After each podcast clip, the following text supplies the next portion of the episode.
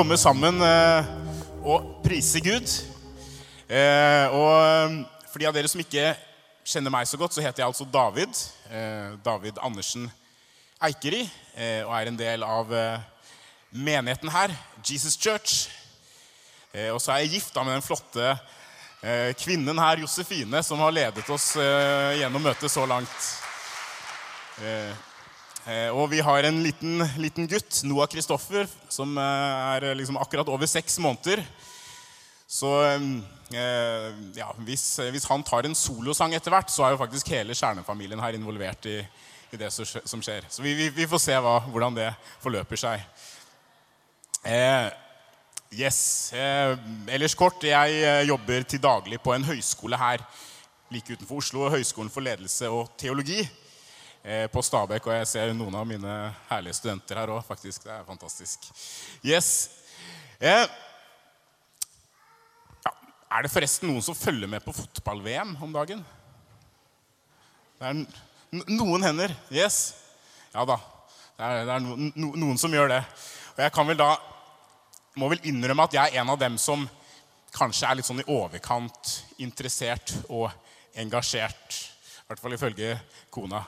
Eh, og ja, selv om det kanskje kan være gode grunner, kanskje politiske grunner til å være litt sånn eh, Ha litt blandede følelser til arrangørland og sånne ting, eh, så skal de i hvert fall ha én ting. Og det er at jeg la merke til at det var ingen kamper som var satt opp på gudstjenestetid på søndager. Så en tommel opp for, for det, i hvert fall. Så det blir, det blir ingen konflikt eh, på den måten. Eh, men i hvert fall godt, godt, å se alle dere her i dag. Eh, og vi skal eh, få lov til å gå inn i et tema ut fra Guds ord, ut fra Bibelen, som jeg håper kan bli til oppmuntring både for deg og for meg denne søndagen. Så vi skal snakke eh, om litt hvordan Gud ser på oss hvordan Gud tenker om oss. Kanskje til forskjell fra hvordan andre mennesker kan se på oss. Så vi skal slå opp i Bibelen, i 1. Samuels bok, kapittel 16. Der kan dere bli med meg. Kapittel 16. Og så skal vi lese fra vers 1 til 13. En eh, eh, veldig kul historie fra Bibelen. Eh, og yes, her står det Herren sa til Samuel, som da var profet i Israel, hvor lenge vil du sørge over Saul? Enda jeg har forkastet ham, så han ikke skal være konge over Israel. Saul, Israels konge, han har gjort en del ting som er ondt i Guds øyne. Han har vendt seg bort ifra Gud. Og vi ser her at Gud har forkastet ham, så han ikke skal være konge over Israel. Og Så sier Gud til Samuel.: Fyll ditt horn med olje og gå av sted. Jeg sender deg til Isai i Betlehem, for jeg har utsett meg en av hans sønner til å være konge. Men Samuel sa, Hvordan kan jeg gjøre en slik ferd? For Saul hører om det. At jeg liksom er på vei til å salve noen andre som konge. Da slår han meg i hjel. Da sa Herren, ta med deg en kvige av budskapen og si, jeg er kommet for å ofre til Herren. Innby denne mannen Isai til ofringen, så vil jeg la deg få vite hva du skal gjøre. Du skal salve for meg den jeg sier deg. Samuel gjorde som Herren sa. Da han kom til Betlehem, gikk byens eldste ham skjelvende i møte og sa, Kommer du med fred? Det var liksom litt stort at profeten Samuel kom til byen. Og de var litt usikre på hva dette betydde for byen. Han svarte, 'Ja, jeg kommer med fred. Jeg kommer for å ofre til Herren.' 'Hellige dere, og kom med meg til ofringen.' Og han lot i seg, og hans sønner hellige seg og innbød dem til ofringen. Da de kom, fikk, og han fikk se Eliab som var da den eldste sønnen til Isai. Da kom Eliab fram. En høy, kjekk, sånn kraftig, sterk type som hadde en litt sånn ovenpå holdning. Og Samuel tenkte med seg selv Sannelig, dette må være Herrens salvede. Dette er Herrens salvede som står for Herren. Men Herren sa til Samuel, se ikke på hans utseende og på hans høye vekst, for jeg har forkastet ham. Jeg ser ikke på det mennesket ser på, for mennesket ser på det ytre, men Herren ser på hjertet. Så kalte Isai faren på den neste sønnen, på Abinadab, og lot ham tre frem for Samuel. Også han er ganske staut og eh, høy type, som også kunne se ut som et realt kongeemne. Men Men han sa, 'Heller ikke ham har Herren utvalgt.' Isai lot så den tredje sønnen, Samma, tre frem. Han også sterk og kjekk og tøff i trynet. Men han sa heller ikke ham har Herren utvalgt. Slik lot Isai sju sønner tre frem for Samuel. Men ingen av dem var det som Gud hadde utvalgt. Men Samuel sa til Isai, 'Herren har ikke utvalgt noen av disse.' Og Samuel sa til Israel, 'Er dette alle guttene du har?' Han svarte, 'Ennå er den yngste igjen. Se, han gjeter småfe.'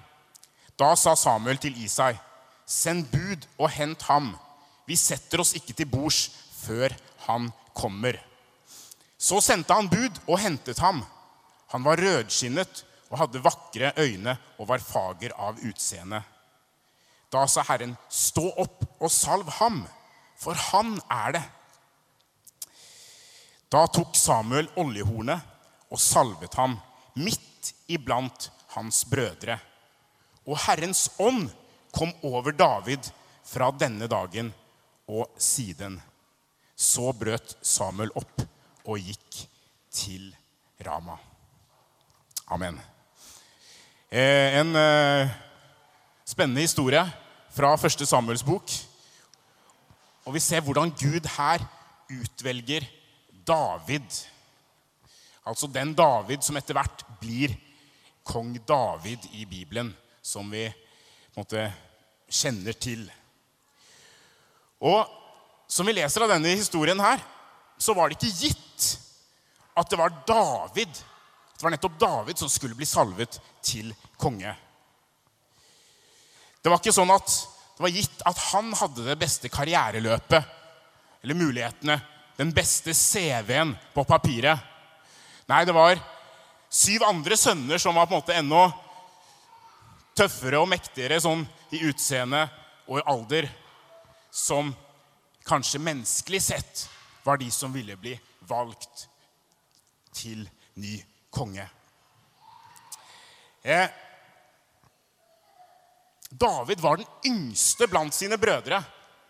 Han var liksom den yngste. Og i denne kulturen her så var nettopp den eldste som hadde en veldig viktig posisjon. Vi kjenner jo til på en måte, Det er snakk om den førstefødte, eller førstefødselsretten.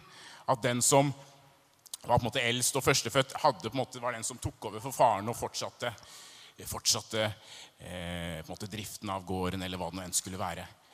Eh, så David han var på en måte den yngste og sånn sett lavest i rekken. Og vi kan si at fra den eldste så er det liksom rangert nedover, eh, nedover til den yngste. Så David var altså den yngste, og han var til og med satt til å gjete sauene satt til å gjete sauene. Og vi har kanskje en litt sånn oppfatning av måte, det å være gjeter. At det er ja, at Vi kan ha en litt sånn romantisk oppfatning av det. Eh, vi, vi, er på en måte preget litt av, av på en måte, mm, at vi har lest Bibelen sånn i etterkant. Eh, om, om, David som hyrden og eh, Jesus som snakker om den gode, at han er den gode hyrde osv. Og, så og sammenligner seg selv med en hyrde. Eh, så på en måte Vår oppfatning av det å liksom være gjeter og hyrde, det, det, er kanskje litt preget av det. Men det å være gjeter i denne tiden, det var egentlig ansett som noe veldig lavt. Det var liksom nesten nederst på rangstigen. Eh, det var på en måte et skittent yrke. Du hadde Arbeidstidene var ganske dårlige og vilkårlige. Eh, og du måtte liksom være ute i ødemarken, ofte alene. Så det å være gjeter var ikke ansett som noe veldig stort. Eh, og David, det ser vi også innad i familien. Hvem var det man satte til å gjete sauene?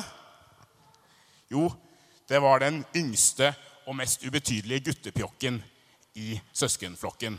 Det var han som fikk den oppgaven å gjete sauene. Og han ble jo ikke engang ansett som så viktig at han ble invitert hjem til middag når den store profeten Samuel kom på besøk. Så eh, vi skjønner at David var ganske langt ned på rangstigen i familien. Og det var jo heller ikke hva som helst som han gjette. Det var ikke okser eller kameler eller noe annet liksom, litt mer flotte dyr. Nei, det var småfe, altså sauene. Så det kommer ikke så veldig mye lavere i anseelse enn det. Men Herren sa til Samuel, se ikke på hans utseende og på hans høye vekst, for jeg har forkastet ham. Jeg ser ikke på det mennesket ser på, for mennesket ser på det ytre, men Herren ser på hjertet. Og det Gud så, som ikke Samuel, selv profeten, så, eller de andre så, det var Davids hjerte.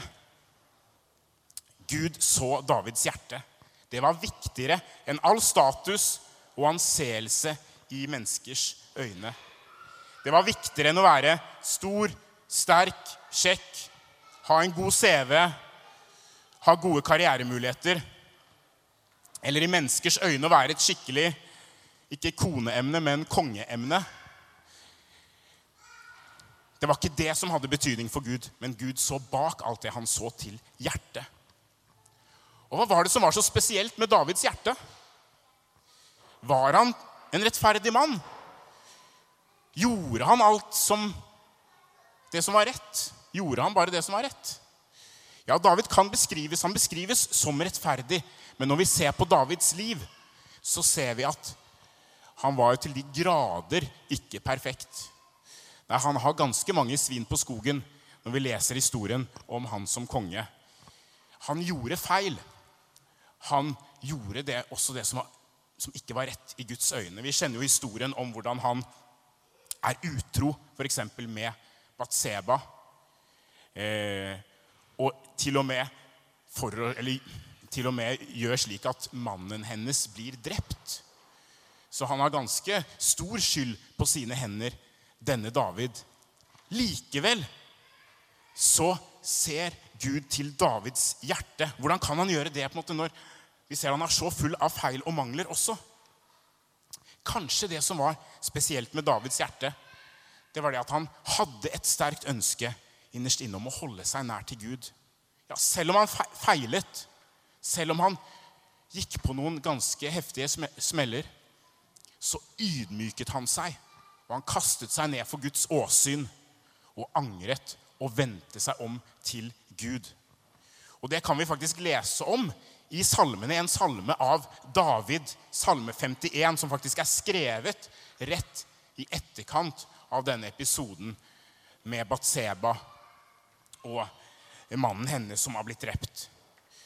Hvor David skriver.: Vær meg nådig, Gud, i din miskunnhet sier han. Utslett mine overtredelser etter din store barmhjertighet. Tvett meg vel, så jeg blir fri for misgjerning. Og rens meg fra min synd, for mine overtredelser kjenner jeg, og min synd står alltid for meg. Mot deg alene har jeg syndet. Det som er ondt i dine øyne, har jeg gjort. For at du skal være rettferdig når du taler, være ren når du dømmer. Og videre i vers 12 så skriver han, Gud, skap i meg et rent hjerte og forny en stadig ånd inni meg. Kast meg ikke bort fra ditt åsyn. Ta ikke din hellige ånd fra meg. Gi meg igjen din frelses fryd og hold meg oppe med en villig ånd. David han vendte om, han ydmyket seg for Gud. Han kastet seg ned for Guds åsyn og ba om tilgivelse og frelse. Og det tror jeg var noe av det som Gud så i Davids hjerte. Men vi ser her at Gud, han bruker den han vil. Gud ser ikke til det ytre, slik som vi mennesker ofte gjør. Han ser ikke på status, makt, CV, karriereløp. Nei, han ser til hjertet. Og Vi ser at Gud bruker enkle, skrøpelige og uperfekte mennesker. Ja, Gud overrasker oss faktisk med hvem han velger å gjøre store ting igjennom. Slik som David, som han reiste opp. Og Bibelen er egentlig full av slike eksempler på mennesker som Gud reiser opp til å gjøre hans vilje, til å bringe frelse til andre. Et annet eksempel som vi har i, i Bibelen, som er litt i samme gate, det er en uh, kar som heter Gideon. Uh, og Dere kan slå opp med meg i Dommernes bok, kapittel 6 og vers 15. Ja, vi kan egentlig bare forklare litt situasjonen bak. Det er jo det at eh, Israels folk de har vendt seg bort ifra Gud. Eh, de har liksom begynt å følge andre avguder. Og så, Som en konsekvens av dette så, så blir landet terrorisert egentlig av midjanittene, som kommer og setter fyr på avlingene deres og, eh, og liksom plyndrer og herjer. Og, og de, de, lider egentlig stor nød pga. disse herjingene. Og etter å ha blitt herjet i syv år så vender israelsfolket seg igjen til Gud og roper om frelse. Og da kaller Gud en person som heter Gideon. Og Det var heller ikke så åpenbart at det liksom skulle være han som kom til å bli den Gud brukte til å bringe frelse til Israel. Eh, ja, først så ser vi at Herrens engel åpenbarte seg for ham i vers eh, 12 og sa til ham, 'Herren er med deg, du djerve kjempe.' Så Gud kaller ham en djerv kjempe. Eh, men Gideon han kommer med innvendinger imot dette. Og I vers 14 så sier Herren igjen til ham og sier, 'Gå av sted, så sterk som du er.' så skal du frelse Israel av midjanittenes hånd. Gå av sted så sterk som du er. Men så sier han en ting. Har ikke jeg sendt deg? Eller har jeg ikke sendt deg? Så han skal gå av sted i sin egen styrke. Men det er ikke basert bare på hans styrke. Nei, det er basert på hvem som har sendt ham. For det er Herren som har sendt ham. Eh, men i vers 15 så kommer da Gideon med flere innvendinger. Han sier, 'Å Herre, hvordan skal jeg kunne frelse Israel?' Min ett, min slekt, er jo den ringeste, altså den minst ansette. Den liksom lavest rangerte i Manasseh stamme. Og jeg er den yngste i min fars hus. Så liksom slekten er liksom den laveste slekten. Og han er den yngste i sin fars hus. Så han er liksom helt nederst. Hvordan kan jeg liksom bringe, bringe frelse? Hvordan skal jeg kunne frelse Israel? Da sa Herren til ham, 'Jeg vil være med deg, og du skal slå midjanittene ned til sistemann.' Jeg vil være med deg. Det kan nesten høres ut som egentlig Gideon bruker dette som en slags unnskyldning. Det at han liksom er fra en litt sånn eh, dårlig bakgrunn, om vi skal si det sånn. At han, at han ikke er liksom, i samfunnets øyne blant de mest eh, de høyest rangerte. Han bruker det som en unnskyldning når Gud kaller ham. Jeg tenker at Det også er en, en, noe vi kan lære av. At faktisk når Gud kaller oss, kan det noen ganger være på en måte eh, lett å, å liksom bruke det som unnskyldning. At nei, men jeg er jo ikke så mye. Ikke det fins jo mange som er bedre og flinkere og har mer talenter og gaver enn meg. At man bruker det som en slags unnskyldning. Men det må vi ikke gjøre. Faktisk Når Gud kaller oss, så vil han også gi oss den styrken vi trenger til å gjennomføre det. Og Vi ser at selv om Gideon da er liksom tilhører denne slekten og er liksom yngst i sin fars hus, så er det likevel Gideon som Gud bruker til å bringe frelse til Israel. Og han utfrir israelittene på egentlig ganske sånn mirakuløst vis, så vi ser at det er Gud som virker med i, i det. Så det kan nesten virke som at Gud har en sånn egen forkjærlighet for de som ikke blir ansett som noe stort i samfunnets øyne. Så hvis du føler deg litt utenfor, da er det håp for deg, min venn. Vit at Gud kan faktisk bruke deg, og det har han gjort gjentatte ganger opp gjennom bibelhistorien. Vi ser at Bibelen er full av slike eksempler. Og vi har også mange eksempler fra vår egen tid og fra på en måte nyere tid. Jeg har lyst til å trekke fram et annet eksempel på en som heller ikke i menneskers øyne på en måte ville blitt ansett som noen kanskje som Gud ville bruke på en så mektig måte. Men hvis vi går litt over, tilbake til litt over 100 år siden, eh, så var det en, en kar som het William J. Seymour. Som var en si, enkel, fattig afroamerikansk mann som levde i Amerika eller USA i en tid hvor det var sterkt raseskille og sterk segregering mellom rasene. Og denne fattige, enkle afroamerikanske mannen, som faktisk bare hadde ett velfungerende øyne, ett velfungerende øye Det andre øyet var på en måte et glassøye pga. at han hadde hatt den forferdelige sykdommen kopper eh, tidligere i livet sitt. Eh, denne mannen, han hadde likevel en sterk hunger om å lære mer om Bibelen. Han hadde en sterk hunger etter å tjene Gud og bli brukt av ham. Eh, så han søkte seg til en bibelskole som var nyoppstartet. Og faktisk så var det raseskillet og rasesegregeringen så sterkt i Amerika på den tiden at det til og med preget kristne virksomheter. Så trist som det enn kunne være. Så egentlig så var den bibelskolen kun for hvite. Eh, men han søkte seg dit for han ville lære mer om Guds ord og lære mer om Bibelen. Og læreren ved denne bibelskolen, en annen egentlig eh, kjent mann fra vekkelseshistorien, Charles Parham, han tillot denne Seymour å være med på bibelskolen. Men han fikk da ikke lov til å sitte inne i klasserommet sammen med de andre studentene, men måtte sitte på gangen utenfor og lytte til undervisningen gjennom en åpen dør. Ganske fornedrende behandling av denne mannen som Gud kom til å bruke så mektig etter hvert. Eh, men likevel, denne William Seymour han hadde en så sterk hunger at han faktisk gikk med på det. Og satt utenfor på gangen og lyttet til undervisningen fra Guds ord. Han var en del av det som på den tiden ble kalt for hellighetsvekkelsen. En vekkelse som pågikk i USA på den tiden.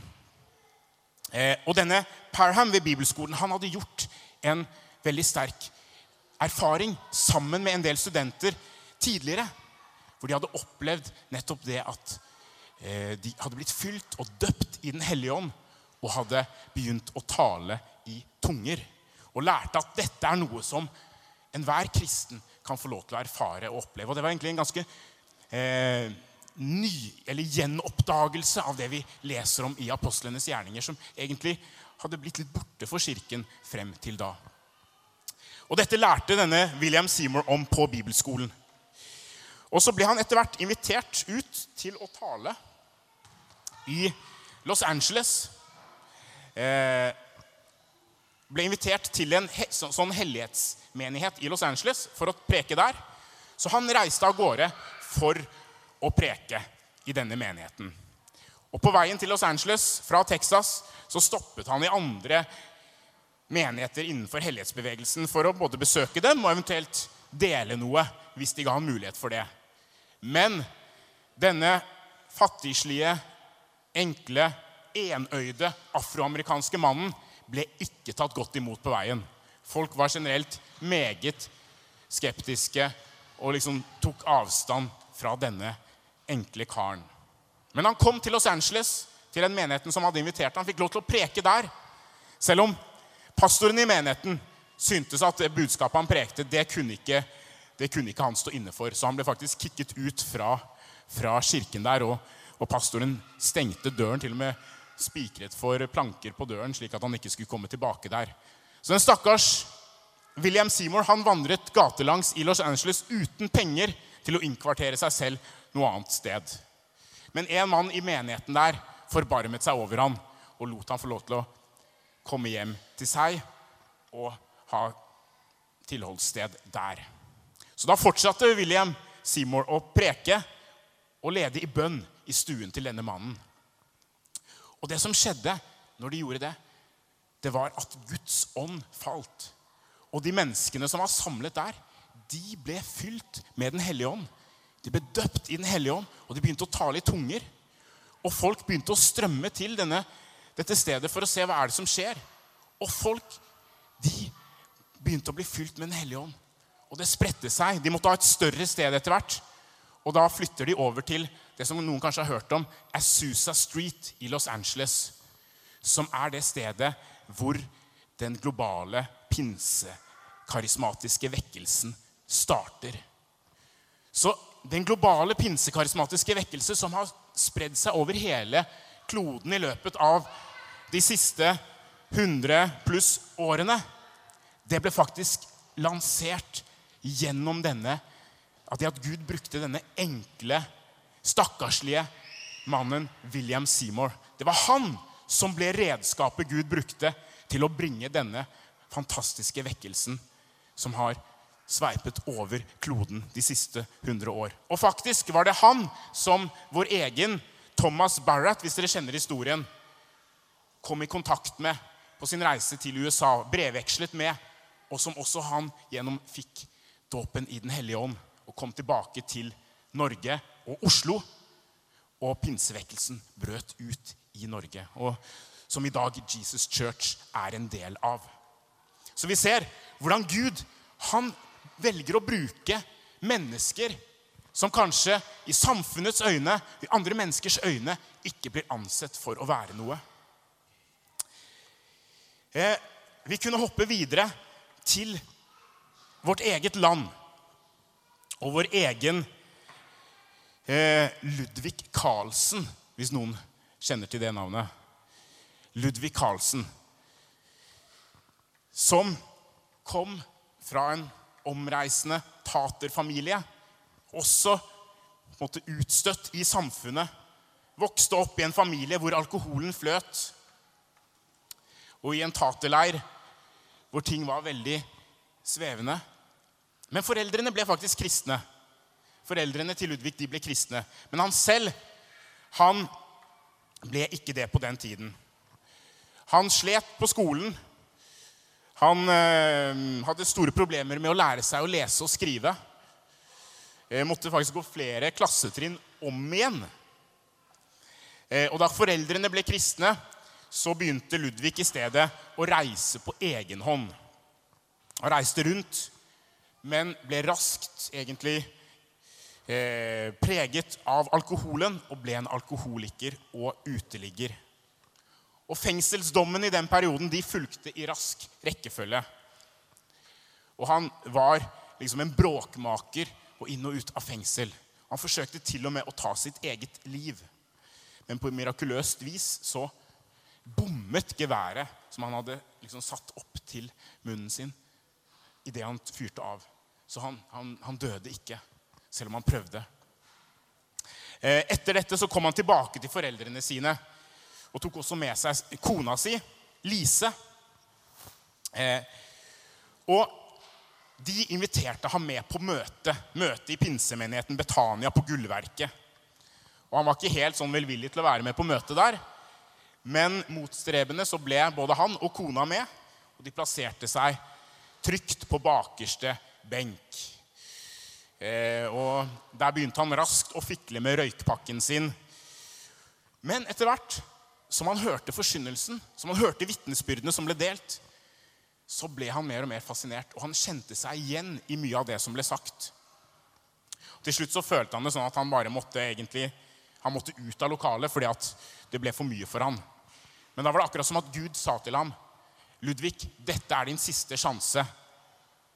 Dette er ditt siste kall.' Så han ble værende.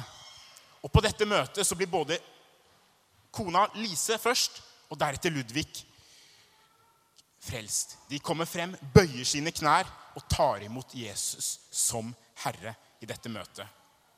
Og det blir stor glede både blant foreldrene og andre i møtet. Og en av eldstebrødrene i, i menigheten han profeterer over at disse som har blitt frelst i dag, de skal få en spesiell oppgave for landet vårt. Og for de som kjenner historien, så vet dere at nettopp Ludvig Carlsen han fikk en veldig spesiell oppgave for landet vårt. Denne alkoholiserte bråkmakeren reiste Gud opp og lot ham bli et fantastisk redskap som fikk bli en redning for hundrevis, ja tusenvis av alkoholikere og rusmisbrukere i Norge. Ludvig og Lise Karlsen de bygde opp Evangeliesenteret som har fått lov til å bety så mye for tusenvis av mennesker i landet vårt. Og som har fått lov til å nå ut til så mange av samfunnets utstøtte. Og denne alkoholi alkoholiserte bråkmakeren som gikk inn og ut av fengselet, han fikk faktisk i 1997 kongens fortjenestemedalje i gull for sin innsats blant de utstøtte. Den første og hittil, så langt jeg vet, den eneste straffedømte person som har fått denne utmerkelsen.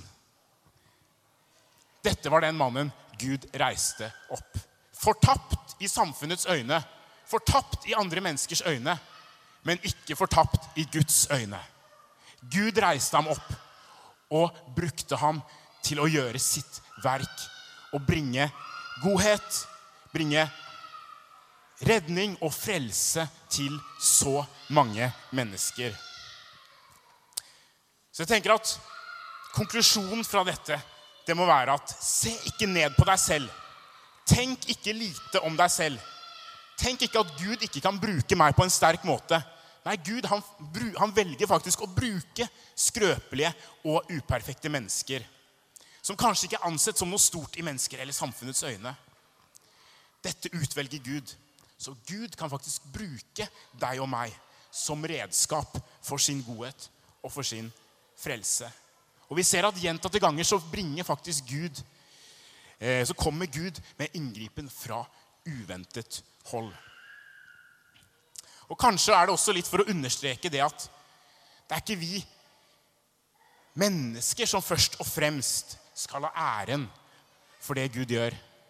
Nei, det er Gud selv som skal ha æren. Han gir oss den kraften og styrken som vi kanskje i menneskelig sett ikke har. Og gir oss det til det han kaller oss til. For det er ikke i menneskelig kapasitet alene at vi skal utrette ting i Guds rike. Vi ser at ja, vi skal gå så sterk som vi er. Det sa Herren til Gideon. Gå så sterk som du er. Men det slutter ikke der. Vi bruker de talentene, de gavene vi har. Men heldigvis er ikke det limiten. For det, han sa videre, 'For jeg er med deg'. Vi skal gå videre i Guds kraft, i Den hellige ånds kraft. Og Vi kunne trukket fram også det bibelverset fra apostlenes gjerninger 1,8. Dere skal få kraft. Dere skal få kraft idet Den hellige ånd kommer over dere. Og dere skal være mine vitner. Det er altså ikke vår egen kraft, men vi skal få kraft. Så da handler det ikke om hvor bra CV vi har, hvor eh, bra vi ser ut i det ytre. Nei, det handler om Guds kraft som kan få lov til å virke igjennom oss. Og Noen ganger så er det også slik at Gud han velger å bruke oss litt uventet når vi kanskje ikke er helt forberedt på det. Noen ganger når vi ikke er helt i kanskje åndelig toppform. Kanskje vi ikke har bedt så mye som vi skulle, eller lest så mye i Bibelen som vi føler at vi burde. Likevel så får vi plutselig og uventet være redskap for Guds godhet og inngripen overfor noen. Det står jo om det. Vær rede i tide og utide, står det i 2. Timoteus 4,2. Eh, det betyr jo selvfølgelig ikke at vi skal slurve med vårt åndelige liv. Men det sier noe om at Gud han bruker oss til og med på tross av vår skrøpelighet. På tross av våre feiltrinn og mangler. Og det viser nettopp Guds store nåde. At han har valgt å bruke oss skrøpelige, uperfekte mennesker for å formidle sin nåde og sin godhet til å nå ut med evangeliet om frelse til andre mennesker. Og jeg har selv fått oppleve det flere ganger. At kanskje jeg faktisk Ofte når jeg har vært sliten og litt utkjørt pga. lite søvn eller tøft program, eller at jeg tenker at nå er jeg litt sånn på sidelinjen, ikke helt i toppform åndelig sett, men så opplever man likevel at Gud plutselig leder en til noen, og at noen blir berørt av Gud, blir berørt av Guds kraft gjennom meg. Selv om jeg egentlig ikke er sånn åndelig tipp topp form. Man får be for noen som blir helbredet. Man ser faktisk at Gud bruker meg til tross for min tilkortkommenhet. Og da er det ikke pga. min egen innsats. Nei, Da kan ikke jeg ta noe ære for det. Da er det Gud alene som fortjener æren. Det er han, bare han. Og Vi ser gjennom Bibelen, og fortsatt i dag, at Gud velger å gjøre store ting gjennom mennesker som kanskje ikke har den anseelsen og statusen i samfunnets øyne, eller i menneskers øyne.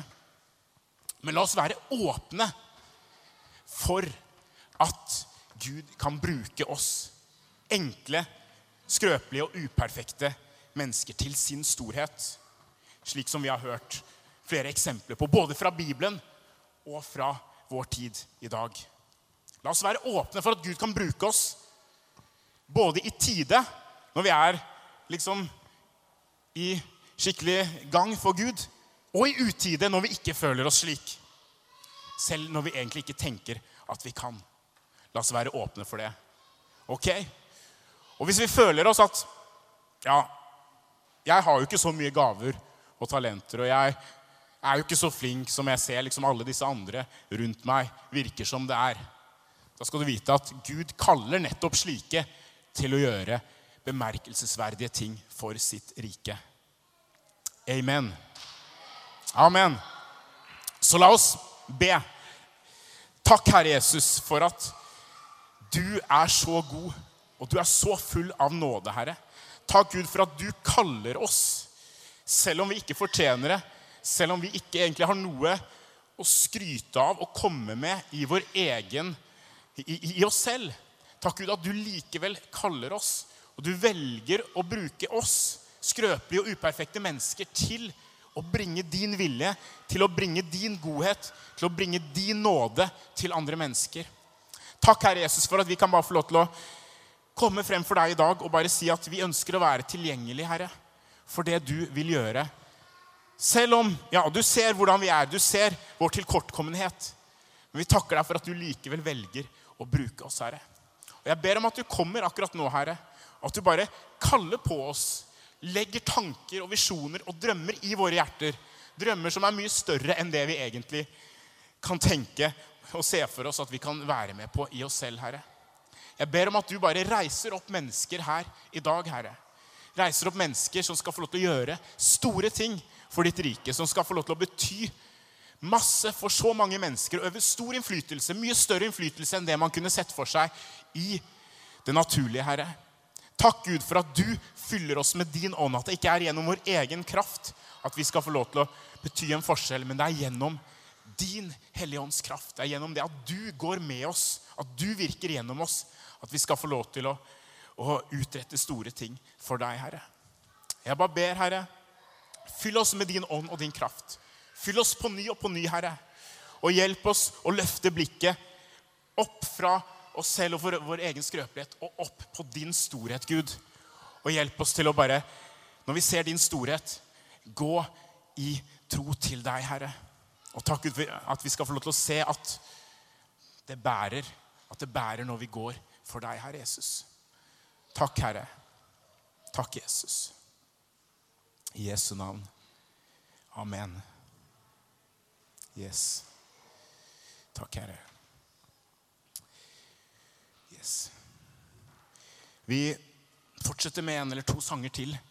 Eh, og mens vi er i, i bønn, så søk Herren litt. Søk Han om ledelse og visdom for ditt liv. Prøv å høre. Er det noe Gud kaller deg til? Er det noe som Gud egentlig har dratt på ditt hjerte om å gjøre? Som kanskje har blitt litt borte fordi at du tenker at nei, det kan jeg jo ikke gjøre. Det, det, jo, det blir jo for voldsomt og for stort. Men søk Gud litt, og prøv å lytte til Han hvis det er noe Han kaller deg til å gjøre. Og bruk ikke som unnskyldning, sånn som Gideon, at Nei, men jeg er jo den Tilhører jo den, den uh, ringeste slekten i hele Oslo. Og er jo den yngste i min familie, osv. Nei. Si, 'Ja, Herre, hvis du kaller meg, så vil jeg være villig.' Men da trenger jeg din hjelp. Det er en respons som er god. Yes. Takk. Vi kommer også til å ha åpent etter, etterpå nå. Eh, åpent her foran hvis noen ønsker spesiell forbønn for noe. Om det er rundt noe av det vi har snakket om i dag, eller om det er andre behov. Eh, om det er eh, så, så, kom gjerne frem. Hvis det er noen her som, som ikke har eh, før har, har, fått lov til å, å um, gjøre en bestemmelse om å leve for Jesus, så er du også hjertelig velkommen til å komme frem. Da vil vi veldig gjerne snakke med deg og be for deg. Eller hvis det er noen som har behov av for helbredelse eller andre ting, så ønsker vi også å være med og be for deg der foran. Yes. Amen. All the saints.